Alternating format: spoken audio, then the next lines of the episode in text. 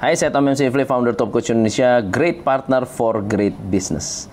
Hari ini saya akan membahas mengenai bagaimana cara meningkatkan omset saat penjualan Anda sedang sepi.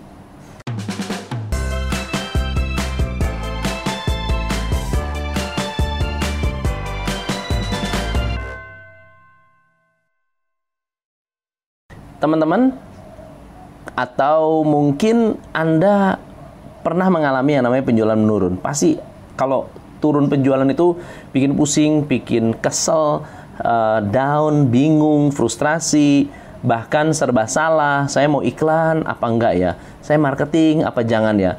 Lalu kebanyakan orang mulai mencari-cari alasan.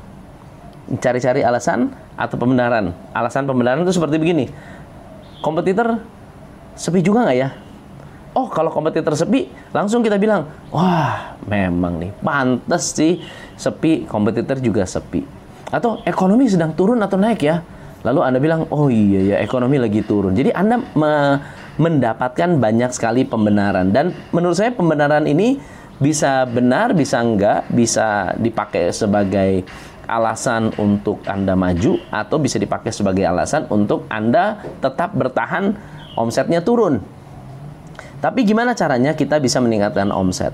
Saya kalau ada orang yang bertanya, coach gimana cara saya meningkatkan omset? Saya harus tahu dulu problem Anda apa, kemudian bagaimana cara Anda mengatasi situasinya, baru berbicara strateginya. Jadi problemnya dulu nih kita bahas. Akar masalahnya apa? Menurut saya ada lima problem yang anda alami saat omset Anda turun. Problem ini bisa satu, bisa lima-limanya Anda alami. Alasan yang pertama adalah biasanya omset yang turun atau omset yang tidak stabil terjadi ketika kita tidak memiliki consistent sales process.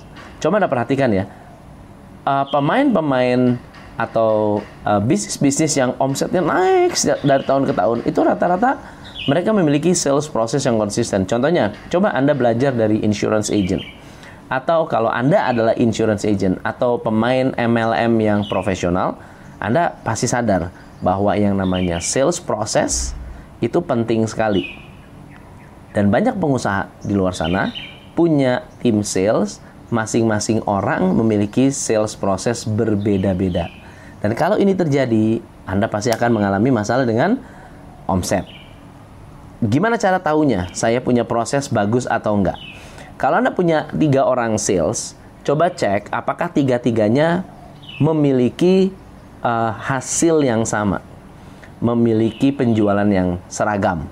Kalau misalnya penjualannya merata, berarti tiga-tiga orang ini meng menggunakan sales proses yang sama tetapi kalau ada satu sales, wah tinggi banget.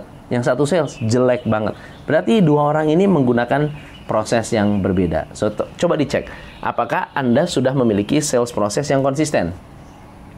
Yang kedua adalah lambat prospecting. Kalau Anda lambat prospecting, kompetitornya lebih dulu, kompetitornya menikmati penjualan, Anda tidak menikmati apa-apa. Jadi kalau tim sales Anda tidak lakukan prospecting dengan agresif, otomatis penjualan Anda akan menyusut, menurun. Yang ketiga, kalau sales proses hubungannya dengan salesman, yang ketiga ini masalahnya sales management. Sales management artinya Anda bisa mengolah bagaimana Anda mendatangkan prospek, bagaimana prospek ini dipupuk, bagaimana prospek yang dipupuk bisa dituai. Nah banyak bisnis di luar sana nggak punya manajemennya. Iklan-iklan aja. Closing-closing. Tapi yang sudah closing tidak pernah di-maintain lagi. Tidak pernah di-follow up lagi. Tidak pernah dikelola lagi. Nah itu yang namanya sales management. Yang keempat adalah kesalahan dalam hal merekrut. Kesalahan dalam hal merekrut bisa mempengaruhi besar sekali yang namanya sales. Karena orang sales itu memiliki filosofi berpikir yang berbeda dengan orang admin. orang sales memiliki cara pandang berbeda terhadap uang daripada orang operasional. Jadi kalau salah rekrut, Anda rekrut orang operasional dijadikan orang sales, akhirnya pola pikirnya beda. Orang operasional pola pikirnya adalah masalah kualitas. Misalnya gini, Pak, kita nggak bisa jualan, kenapa? Kualitas kita jelek. Karena orang operasional selalu berpikir kualitas. Kalau orang keuangan, filosofi keuangan adalah piutang. Ya ada orang bilang, Pak, orang kita nggak bisa jualan, kenapa? Piutangnya kurang lama. Kalau piutangnya nggak lama, nggak bisa jualan. Itu adalah pikiran orang uh, keuangan. Kalau orang sales agak beda. Orang sales itu penjualan mau dikasih suruh tunai kek, mau kredit kek, mau apa pun mereka akan tetap jualan karena yang penting buat mereka adalah komisi. Ya, itu mentalitas orang sales. Jadi kalau salah rekrut Anda pasti mengalami kesulitan dengan mengelola mereka.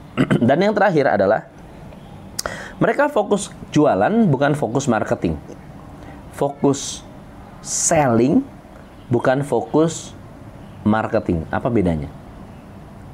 Kalau kita punya bisnis fokusnya kepada selling maka kita akan dikenal setelah orang menikmati produk kita. Betul ya? Kalau saya fokusnya jualan, saya jual kamera, saya menjual kacamata, saya menjual tas. Setelah orang menikmati tas saya, saya baru dikenal. Ada orang jualan keripik Oke? Okay? Ada di etalase. Saat orang makan baru tahu ini keripik enak atau tidak enak. Brandnya pun langsung dikenal. Betul ya? Nah, kalau Anda fokusnya ke selling, berarti kita ini punya ketergantungan atas orang yang mencoba produk kita. Kalau yang nyoba di, yang nyoba dikit, maka marketing apa sales Anda akan akan turun. Tapi kalau yang nyoba banyak, penjualannya jadi bagus. Nah, beda dengan bisnis yang fokus pada marketing. Mereka belum menikmati produk, sudah berangan-angan punya produk Anda.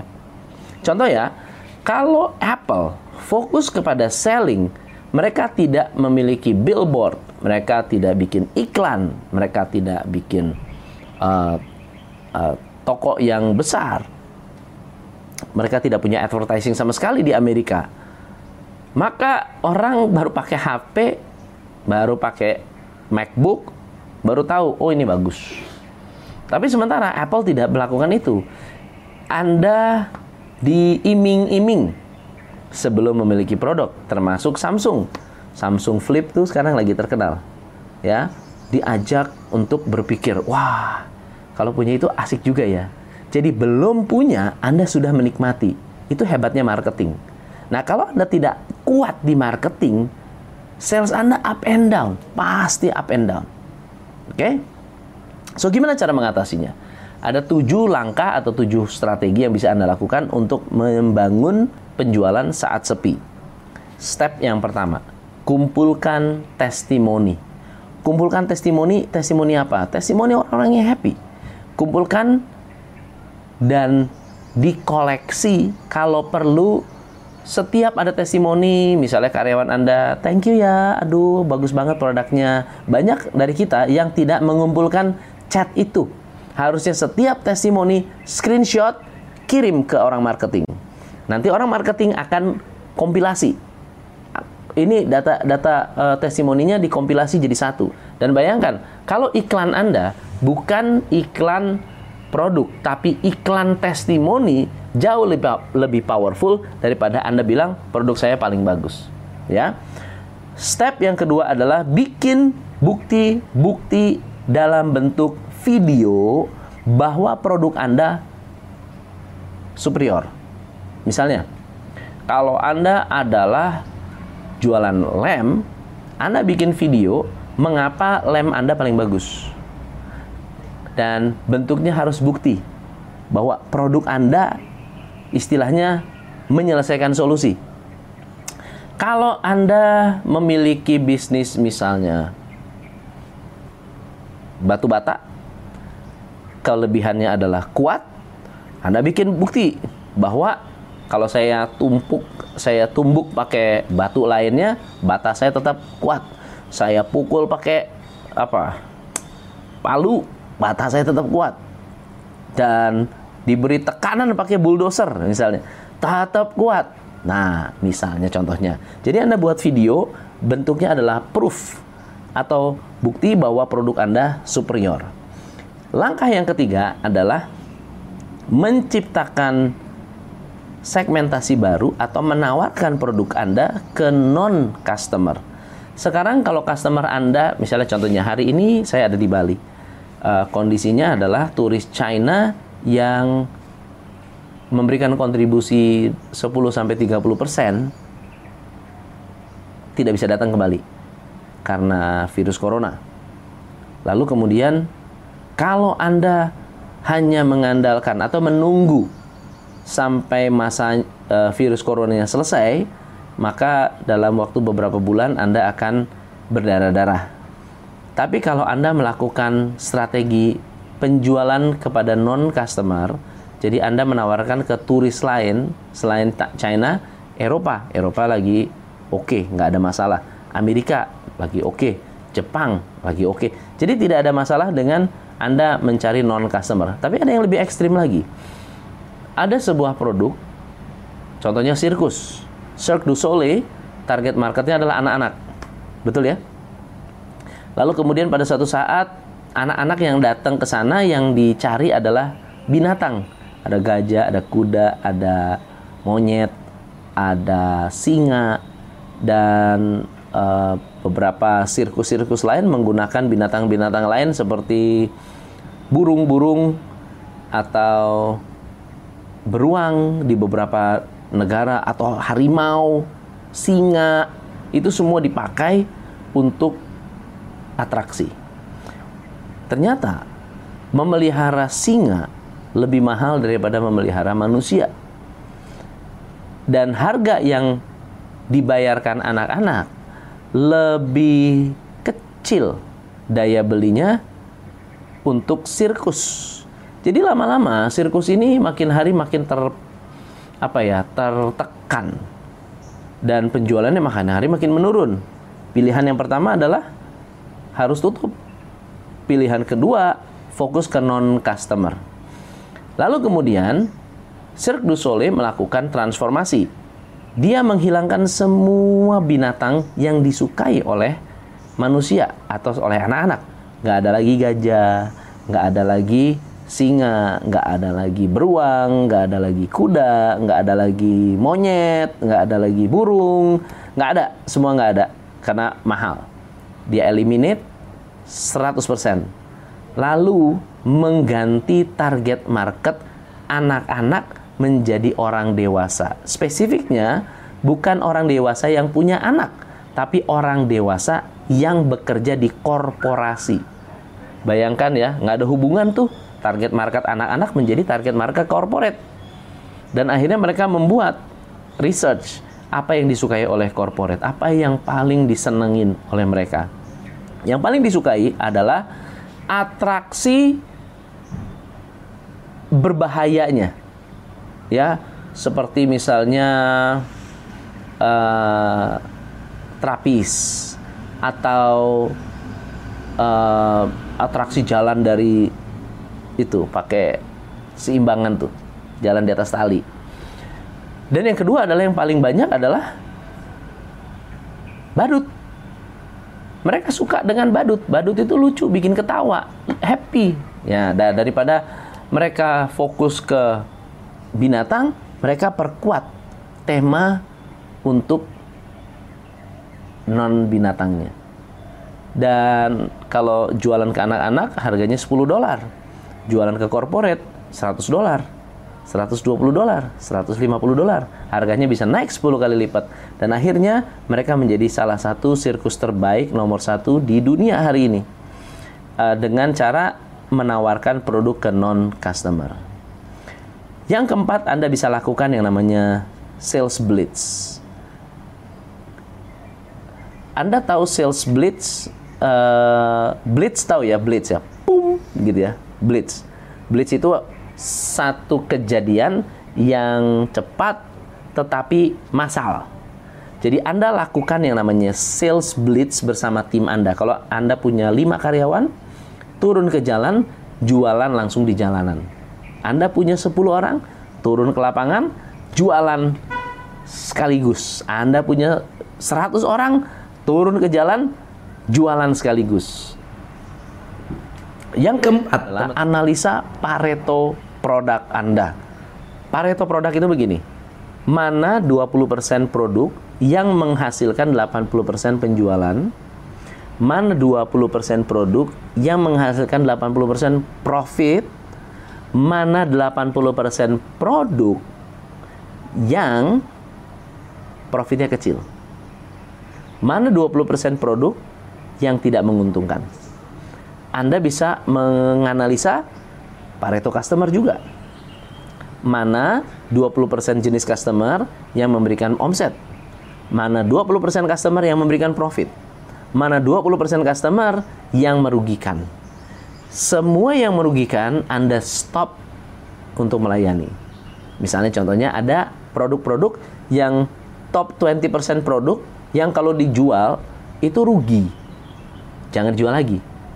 Ada 20% uh, eh, produk yang kalau dijual sangat menguntungkan itu diperkuat, itu diperbanyak, itu dipromosikan. Ya.